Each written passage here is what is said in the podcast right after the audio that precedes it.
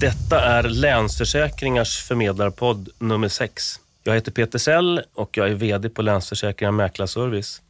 Till min hjälp har jag tre mycket spännande personer som dels representerar en stor arbetsgivare, en framgångsrik försäkringsförmedlare och även Länsförsäkringars eh, sida. Skulle ni kunna få presentera er själva? Varsågod. Jag heter Pia Lövgren, jobbar i flygbolaget SAS i en HR-funktion med eh, hälsa, arbetsmiljö och rehabilitering. Välkommen. Tack. Jag heter Kajsa Eilis och jobbar på Max Mathisen som eh, förmedlare och jobbar exklusivt i en, eh, ett team som enbart håller på med hälsa och gruppförsäkring och sjukvård. Mm, välkommen. Tack. Hej, jag heter Kristina Ström Olsson och jobbar som hälsostrateg här på Länsförsäkringar.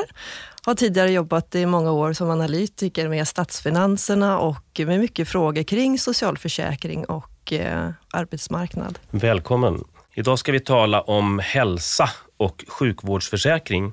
Hur ser trenden ut och, och den här statistiken som är framtagen, stämmer den och, och, och varför ökar det här så pass snabbt? Kristina, vill du Ja. kort inleda? Om vi går tillbaka till 2000 så kan vi se en sexdubbling av antalet försäkringar och det låter ju jättemycket och det är väldigt mycket. Från 100 000 till ja, närmare 700 000 nu.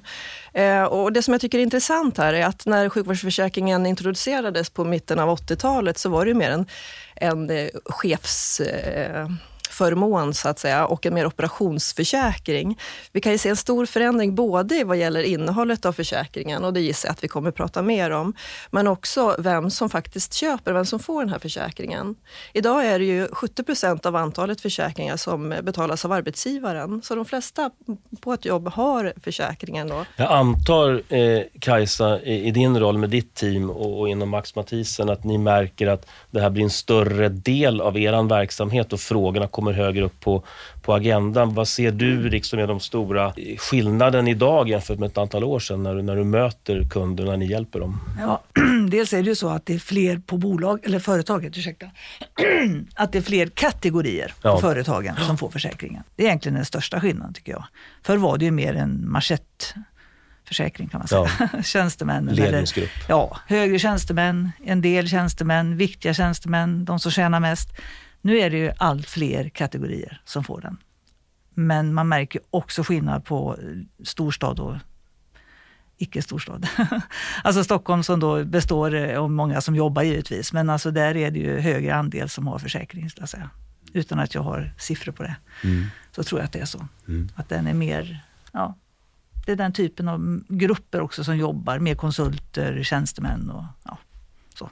Och, och, och Pia, i din roll på SAS, pratar ni, ni ser ju behovet växer fram i någon mening och sen ska ni täcka av det där behovet på något sätt. Hur förhåller ni er till liksom frågeställningen liksom försäkring och, och, och, och, och de ekonomiska perspektiven, att ni vill ha människor på, på arbetet istället för någon annanstans? Är, är det- är det stor skillnad Jag tror idag? precis som eh, Kajsa beskriver, eh, behovet har ju ökat. Det beror ju också lite grann på hur, hur vårdgivarna har möjlighet via landstingen kunna erbjuda snabba operationer och snabb eh, vård helt enkelt. För att vi vill ju ha tillbaka våra medarbetare så fort som möjligt. Det här är ju en kostnadsfråga. Vi vill ha friska medarbetare och då ska man inte hamna i vårdköer. Så här har ju försäkringen en stor roll. Men det är ju, det är ju den reaktiva delen. Sen kan man ju fundera på hur mycket kan man jobba med den proaktiva delen. Och där tror jag att man ser på försäkringssidan att det breddas det utbudet. Snart är ju försäkringsbolagen som en företagshälsovård. Mm. Och jag tror att det kan ju bli ett eh, paradig- paradigmskifte där att eh, företagshälsovården, kommer deras roll att spelas ut eller kommer det bli någon samordning av den här verksamheten? Det är ju intressant. Mm. Och om du skulle eh, titta på just eh, utmaningarna då från en arbetsgivares perspektiv, när, du- när, när, när du tittar på det, vad, vad är det ytterligare som har kommit till de senaste åren som, som, som ytterligare finns? Jag ser mycket av det här man jobbar med hälsoscreening och livsstilsfrågor. Sen tycker jag egentligen är det ju vårt ansvar som arbetsgivare. Vi måste jobba mycket med vårt ledarskap och det har vi gjort eh, genomarbetat. Att har vi ett bra ledarskap så tror jag att vi också har friskare medarbetare. Det är en organisatorisk fråga, att man blir sedd som medarbetare. Sen är det också en konjunkturfråga som, som Kajsa sa. I sämre tider så ja, har man en högre ohälsa. Vi har ju hamnat i en situation nu där det, vi har ökat våra linjenät och vi har rekryterat, vi utvecklas och det gör också att vår sjukfrånvaro har haft en fantastisk utveckling. Vi har under sista året minskat med en procent. Och det är ju fantastiskt. Så vi ser ju att det går åt rätt håll. Men försäkringen ska finnas när vi behöver den. Och jag tror att vi i Sverige behöver bli bättre på att använda försäkringen. Det är ju en skillnad mot eh, våra norska kollegor som har en sundhetsförsäkring. Kajsa, du känner till det där lite Ja, men ännu mera. ja, jo, men innan det tänkte jag, vi har också tänkt efter här nu hur vi har löst. Alltså det finns ju vissa företag som, har, som är ute i landet framför allt, som är, finns bara på en plats. Alltså på ett ställe där kanske det är 2000 som anställda och jobbar och har sin läkare på plats. Och då kan man ju också bygga upp en sjukvårdsförsäkring på ett helt annat sätt. För då samspelar ju deras egentligen interna företagshälsovård kan man ju säga med en sjukvårdsförsäkring där man får en helt annan dynamik. Och den blir också remissförfarare så att säga som kan då leda dem vidare i den del man behöver. Det är ju egentligen eh, en väldigt bra lösning. Man tänker på just samverkan mellan liksom olika delar så att man får försäkringen för de sakerna man faktiskt behöver. Men när det gäller andra delar i, i världen då, eller i Norden snarare, eller Skandinavien kanske vi ska dra in det till.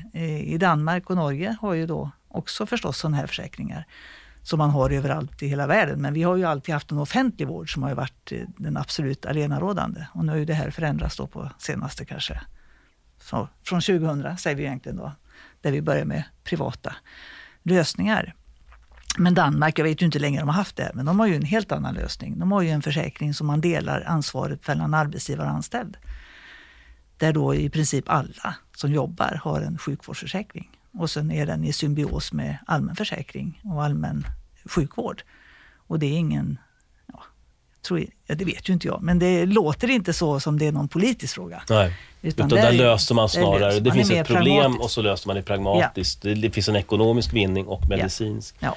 Eh, Och också en kostnad. Och en Det kostnad, lägre precis. Det blir lägre Mm, premie då. Ja, det Pia? finns en annan förståelse Ja, förlåt. Ja, förlåt. En annan förståelse i Danmark för den här försäkringen tror jag och en anledning kan nog vara det att eh, man också har väldigt väl utarbetad statistik så man kan visa svart på vitt Mm. också vad försäkringen ger. Och, eh, och, och det, det jag har sett har varit debatt, det har ju varit det här kring avdragsrätten. Mm. Men att försäkringen ska finnas, det verkar vara en självklarhet. Mm. Jag tror ju att det är en politisk fråga att man har ett, det ska finnas en bastrygghet för alla människor.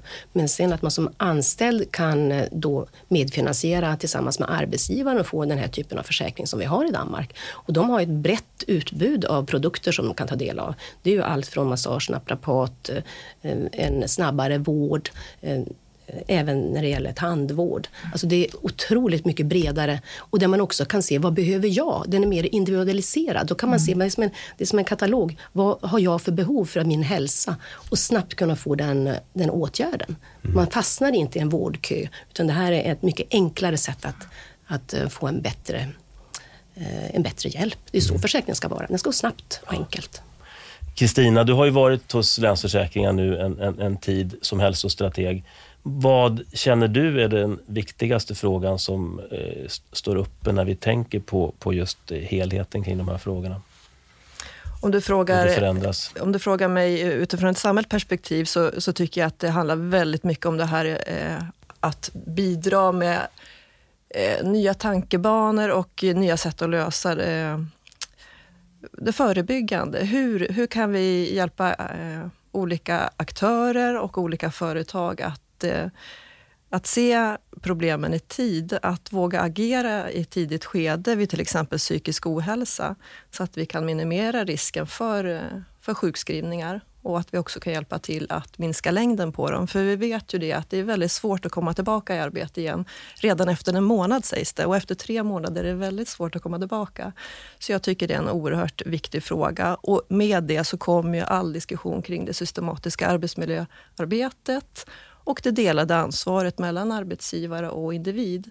Men även också viktiga aktörer som Försäkringskassan och läkare eh, där vi måste samarbeta bättre och se hur, vad var och en kan bidra med. Mm.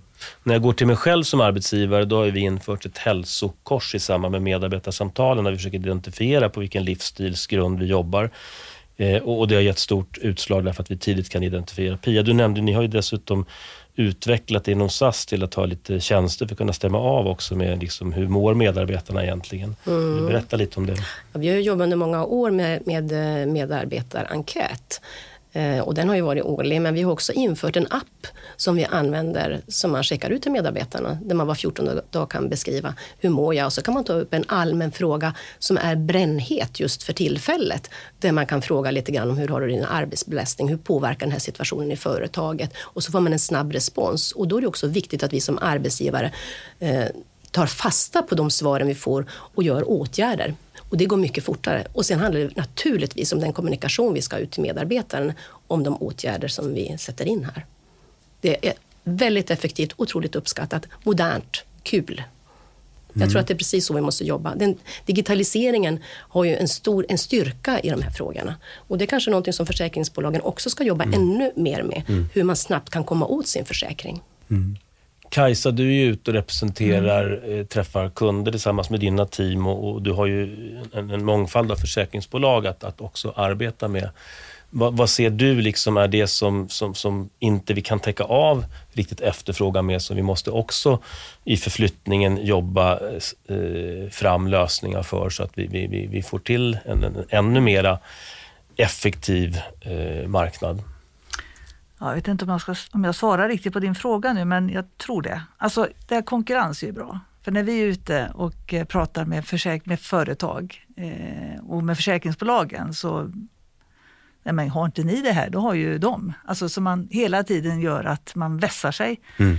eh, inom alla bolagen. Och eh, där har ju, ser vi ju nu då att alla börjar med hälsoprodukter, eh, app appar, eh, man ska kunna gå på stan och liksom checka in, ja, jag kan få en sjukgymnasttid där och där. Och, alltså, och det här börjar ju på bred front. Det var ju mm. ingen som gjorde det för några år sedan.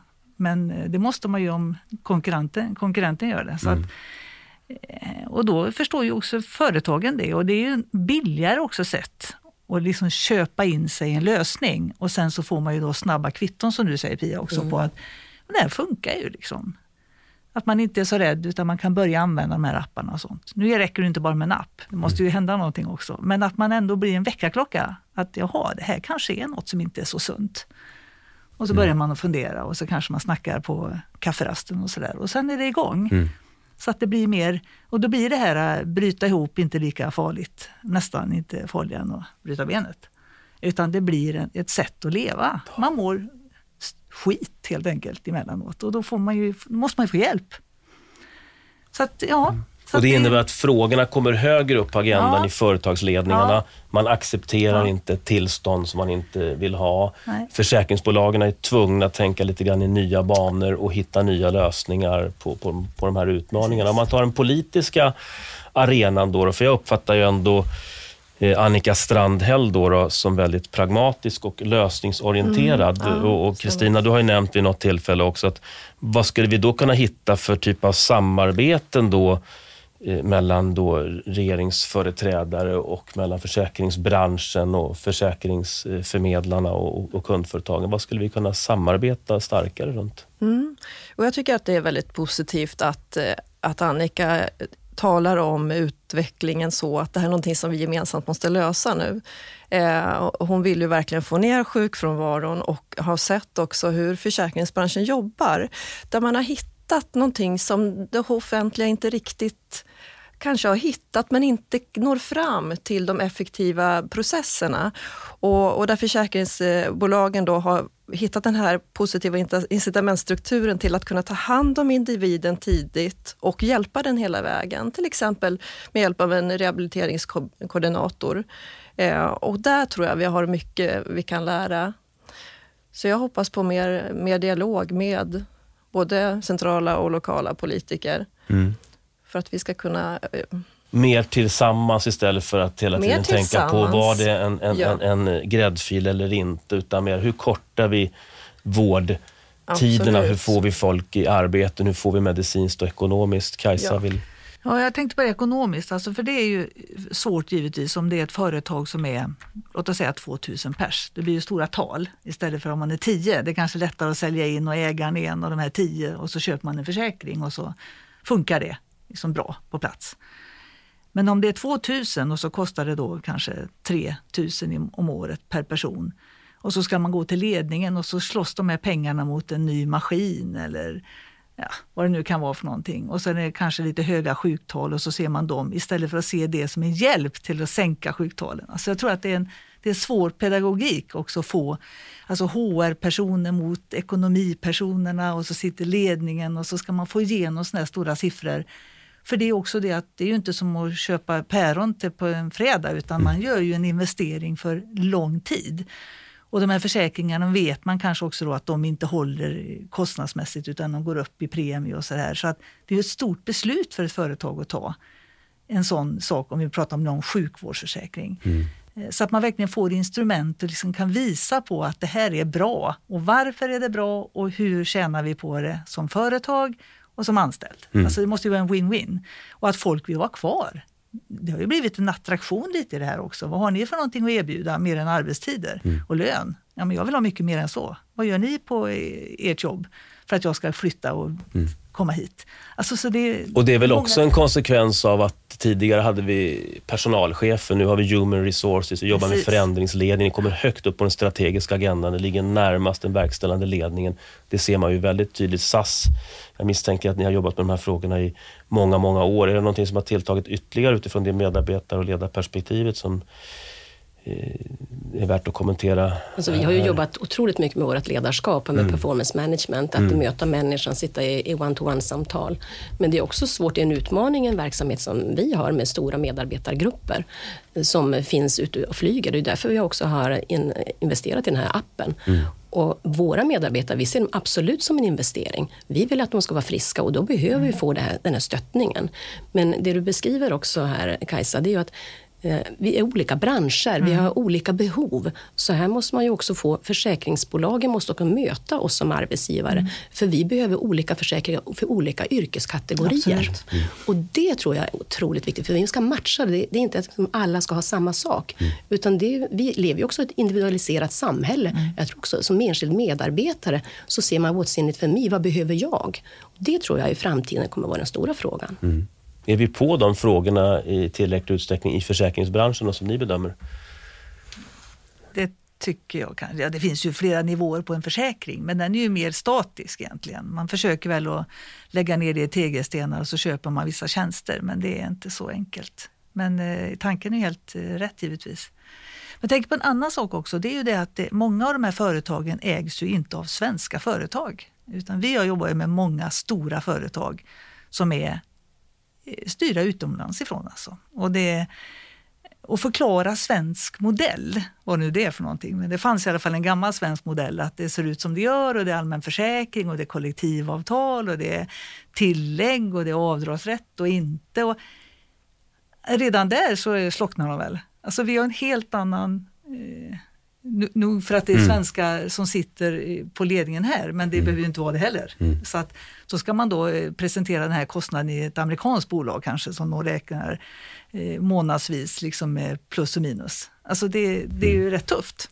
Fast de säkert förstår att det behövs ja. här. Jag tror att det handlar väldigt mycket om att prata just om alternativkostnaden och vad mycket det faktiskt kostar för hela samhället med sjukfrånvaro. Det, det vet du ju hur det, hur det är att inte må psykiskt bra, det här med livskvaliteten. Och, och man kan också ställa sig frågan eh, som, som arbetsgivare, då, har jag råd att inte ha eh, kompletterande skydd? Se till att jag får snabb hjälp om jag har behov. Mm. Eh, och där har vi också jobbat en hel del det här med hälsoekonomi och se till vad kostar faktiskt sjukfrånvaron? Mm. Det kostar ju enormt mycket. Dels korttidssjukfrånvaron vi har, men även på längre sikt med all rehabilitering som kan behöva komma till. Och det är en anledning till att vi har utvidgat vår sjukvårdsförsäkring sedan 2013 med de här så viktiga förebyggande inslagen, där du själv kan gå in som individ och eh, göra eh, förebyggande hälsotjänster, men också där du har en trygghet att kunna ringa ett nummer och få samtalsstöd. Och det stödet har ju även chefen, för ofta kan det vara svårt med eh, konflikter och annat på jobbet eller att man behöver stöd i det systematiska arbetsmiljöarbetet eller att man har bekymmer på privat plan. Så jag tror att lyfta in eh, de delarna och berätta faktiskt vad, vad försäkringen kan ge och eh, även den hjälp vad gäller rehabilitering som finns och som går ju lite ihop med det förebyggande. För när, eh, när, är vi egentligen, när riskerar vi att eh, bli långtidssjukskrivna? Jo, det kan ju vara redan efter några återkommande sjukskrivningsperioder. Och här behöver man ju sätta sig ner då i dialog med, med arbetsgivaren mm. och eh, kunna koppla på försäkringen och få en rehabkoordinator som sen tar hand om allting. Så man kan känna sig trygg med att det här kommer att ordna sig. Jag kommer få hjälp. Mm. Som, som anställd eller som min medarbetare kommer få hjälp tillbaka i arbete. Men det låter på er, jag tycker att det, det, just att de historiska premieargumenten på åtminstone livförsäkring och tjänstepensionsmarknaden många gånger har varit ålder och kön och så vidare. Men nu finns det ju en chans och en möjlighet och det tycker jag redan har börjat eh, ske då, att vi, vi tillsammans också ställer större krav när vi, vi hjälper företagen från försäkringsbolagen också till att screena personalen, att säkerställa att man, har ett vissa, att, att man gör på ett särskilt sätt och då premieras man och där vet jag Kajsa, ni har ju jobbat eh, lite med det också i, i, i de bilderna. Vill du utveckla det? Ja, dels tänker jag på det här när det, om vi återigen pratar om en ren sjukvårdsförsäkring, eh, så har vi faktiskt på, på Max Mathisen, på vår avdelning också kämpat för eller förespråkat faktiskt att man ska ha en differentiering. Alltså det ska löna sig att ha en god så att säga, ett bra sätt att jobba på företaget för, för sin personal. Och att man märker det, att det ger faktiskt effekt. För om, om man får ett lägre sjuktal, eller rättare sagt nyttjande av försäkringen, så ska man faktiskt få en lägre premie. Och vi har jobbat med ett par stora försäkringsbolag med det och det ger ju effekt. Det är ju fantastiskt och företagen märker det. Mm. Det är i sin tur, ja men gud vad bra, det här blir mm. ju något bra. Då kanske vi ska bygga på och göra lite mer av det här. För de ser att de får en win-win. För det är ju färre som använder den faktiskt och varför gör de det? Ja, det är kanske för att vi har satt in vissa åtgärder och gjort en screening eller har en rehab eller hälsoförsäkring som de först nyttjar. För det är också viktigt att man inte börjar liksom med sjukvårdsförsäkring, för det är kanske inte alls det som är lösningen, utan det är något helt annat jag vill ha en samtals mm. Eh, KBT-samtal eh, eller jag vill ha en livstidscoach eller jag vill ha en ergonom eller vad det är för någonting. Det behöver ju mm. inte sjukvårdsförsäkringen gå in och ta utan det ska ju helt andra delar ta. Och den är ju dessutom eh, avdragsgill i företaget. Mm. Så det är en helt annan kostnad. Så att det har börjat att liksom ja. röra sig där ute. Och det är väl det, som är roligt Pia? Ja, jag tycker det låter jättebra för att det skapar också ett incitament att uh, ha den här försäkringen. Absolut. Och ser vi att premien sjunker så det är ungefär som man börjar träna. Mm. Man brukar säga att den bästa pensionsförsäkringen är att skaffa sig en PT. Mm. Men att också få ett resultat. Absolut. Det är ju precis det man vill ha ja. på ledningsgruppen. Ja. Mm. Och då får bad guys betala mm. mer. Och vissa gör ju det. Tänker jag, men det tar vi. Alltså, det är ju så olika hur, återigen, vilka branscher pratar vi om? Och vilka är utbytbara och vad är kostnaden i företaget? Är det den där konsulten eller är det maskinen? Alltså det är helt... Mm. Ja. Om, vi, om vi skulle lyfta blicken en 10, 15, 20 år framåt då, då mm. och, och, fundera lite grann kring, dels utifrån perspektivet att bli en attraktiv arbetsgivare också, men hur kommer då hur kommer liksom, vad kommer vara försäkringsbart och inte försäkringsbart och hur kommer försäkringsbolagen vara tvungna att ändra sin verksamhet och hur kommer morgondagens köpare förhålla sig? Liksom, kan, vi, kan vi se några mönster i det framåt som vi liksom lite tänker utanför boxen och säga, men då blir det så här istället. Det, det, det, vi trodde att det skulle bli en, bara en förlängning av nuvarande men det kommer ske någonting helt annorlunda. Finns det någonting som vi kan blicka in i, i, i framtiden? Får man drömma? Ja, absolut. Lite Nej, wild and crazy, det är alltid roligt. Då ska jag bli politiker. Ja. Nej, men vad jag skulle önska faktiskt var att både landsting och försäkringskassa, alltså att allt det man bryter ner. Man har en person som är sjuk och man har en kostnad för den personen. Om man nu bara tittar på pengar, det är en stor kostnad. Hur gör man för att få bort den här kostnaden då, snabbt? Ja, Försäkringskassan ska sluta betala ut pengar. Eller arbetsgivaren ska sluta betala sjuklön. Gör operationen. Om det nu är en operation. Mm. Det är ju mm. inte alltid att det är så enkelt så att det är ett brutet ben. Men alltså förstår ni själva mm. idén? Strunta i de här grejerna, riv det här nu och se att folk mår bra och får jobba eller inte jobba om det är det de ska göra. Alltså det, mm. det är alldeles för mycket tider som bara mm. går och går och går och det kostar så att säga på så alla delar. Så fokus på att korta ner liksom ledtider Absolut. och bort med liksom den ja den, administrationen ja, eller vad som bygger det. det, det, det och en... de pengarna som man mm. vinner där kan man göra hur mycket som helst med. Mm. Det är min absoluta förvissning. Jag håller helt med Kajsa. Jag fortsätter att drömma lite för jag tycker jag är inne på det här också med samverkan. Om vi kan få till den öppna kommunikationen mellan då landsting, försäkringskassa och försäkringsbolag. Där vi dels kan hjälpa till med livsstilsförändringar och det förebyggande. Hur, hur kan vi förebygga att ens eh, de här livsstilssjukdomarna som ökar nu så kraftigt inte gör det. Mm. Men, men också när det uppstår ett problem, oavsett om det är fysiskt eller psykiskt, mm. att man där kan koppla på försäkringen direkt och få den här snabba hjälpen. Och då har vi alla hjälps åt, både det offentliga och privata i samverkan.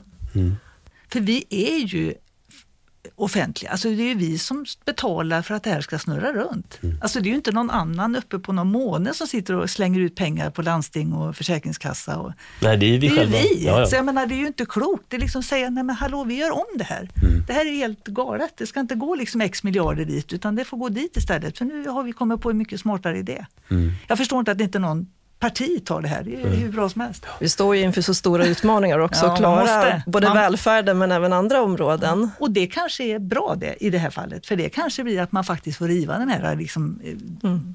politiska liksom, eh, murarna säga att nej, men vi får lösa det här. För det här kommer aldrig att hålla. Nej. Och vi har väl märkt i LF-gruppen då, vi har ju jobbat historiskt sett mycket med skadeförsäkring och jobbat med riskingenjörer. Vi pratar ju väldigt mycket nu om, inte just friskingenjör, men temat är ju ändå att jobba med ett vårdgivarnätverk, vara samtalspartner, hjälpa företagen tidigt då tillsammans med försäkringsförmedlarna. För att det finns ju, behovet är ju enormt och, och får man då stöd för de här goda eh, cyklerna på det sättet, och då finns det ju mycket kvar att göra och, och hamna ner sen på individen och hitta de lösningarna. Pia, vad, vad drömmer du om? Ja, Jag tycker de drömmar som jag hör av Kristina och Kajsa, det är ju också en politisk fråga.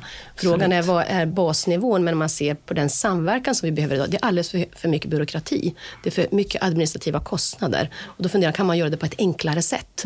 Alltså vi är i en digital värld. Jag tror att man behöver, som du säger, slänga upp alla bollarna igen och så fundera på hur gör- vi det på ett bättre sätt? Och, och det är någonting som man faktiskt måste vara lite mer framåtriktad när det gäller de politiska partierna. Ja, och inte sitta i sina stuprörs eh, och lägga sin budget och följa sitt och ha sina mål, utan till, se på det bredden. Vad behöver samhället för att vi ska bli ett friskt Sverige? Mm. Jag tänkte vi skulle börja lite smått avrunda eh, genom att, och, och, nu har vi ju möjlighet om vi vill att skicka någon passning till antingen Annika Strandhäll eller Gabriel Wikström eller om det finns någon annan vi vill skicka en passning till som vi tycker är lämplig. Vi kan skicka en passning till oss själva också och mellan varandra då, men, men eh, om vi någonstans vill eh, eh, något medskick eller något, någonting som vi skulle vilja lyfta upp ytterligare här och nu idag? Någon som känner någonting? Ja, jag gör gärna ett medskick. Ja. Annika Strandhäll känns det som att hon redan har öppnat sina armar lite för att diskutera med, med alla aktörer. Men Gabriel Wikström kan gärna få ett, ett litet kort med en, en inbjudan om att diskutera frågan kring välfärdens framtida finansiering och hur vi tillsammans kan hjälpa åt, hjälpas åt för att minska ohälsan och för att, eh, för att klara och se till att det eh, kan erbjudas en eh, vård av god kvalitet och ut efter våra höga krav som vi har som medborgare. Och hitta ett nytänk där, gemensamma lösningar. Ja, eh, haka på där, för då är det också viktigt att man politiskt säger att det kommer att få fortsätta att vara privata delar som ett alternativ. För nu är det vissa som är ute där och menar på nej, vi kanske ska ta bort det här och det här kan man ju inte hålla på med och det här är gräddfiler och det är orättvist. Fast kanske 700 000 personer faktiskt och arbetsför ålder har en försäkring. Så menar, någonstans så räddar man ju lite alla köer, att det faktiskt finns människor som inte nyttjar allmän, för allmän så att säga, vård. Men att man har lite hållbarhet alltså framåt och vet att det här kommer att få funka och hur gör vi då? Så det är en fortsättning egentligen på det. Kan jag spinna vidare. För jag Ja. tänkte, vi betalar ju alla skatt. Och då är frågan, var sätter vi våra skattepengar? Och eh, vilket ansvar har vi som arbetsgivare? Och där behöver man kanske ha en helhetssyn på hur mycket arbetsgivaren ska bid- bidra och hur mycket samhället ska bidra. Och där tror jag man ska titta på det återigen. Eh, ska det vara på ett annat sätt? Och jag, började mm, tidigare här och sa att hur ser företagshälsovården ut kontra försäkringsbranschen? Ta ett litet kik på det. Konkurrerar vi eller samverkar vi? Precis.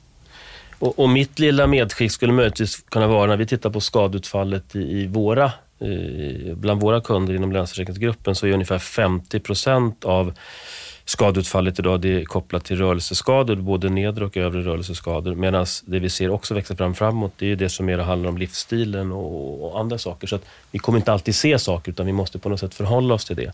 Och, och därför blir jag också väldigt glad nu. Nu har vi företrädare från tre fantastiska varumärken med SAS, Max Matthiessen och Länsförsäkringar. Det känns ju som att ni i grund och botten ändå är överens om att det här är viktigt och, och ni ser lösningsförslag på hur vi skulle kunna ta oss vidare och eh, någonstans så, så kommer behovet öka och eh, så det känns också väldigt bra.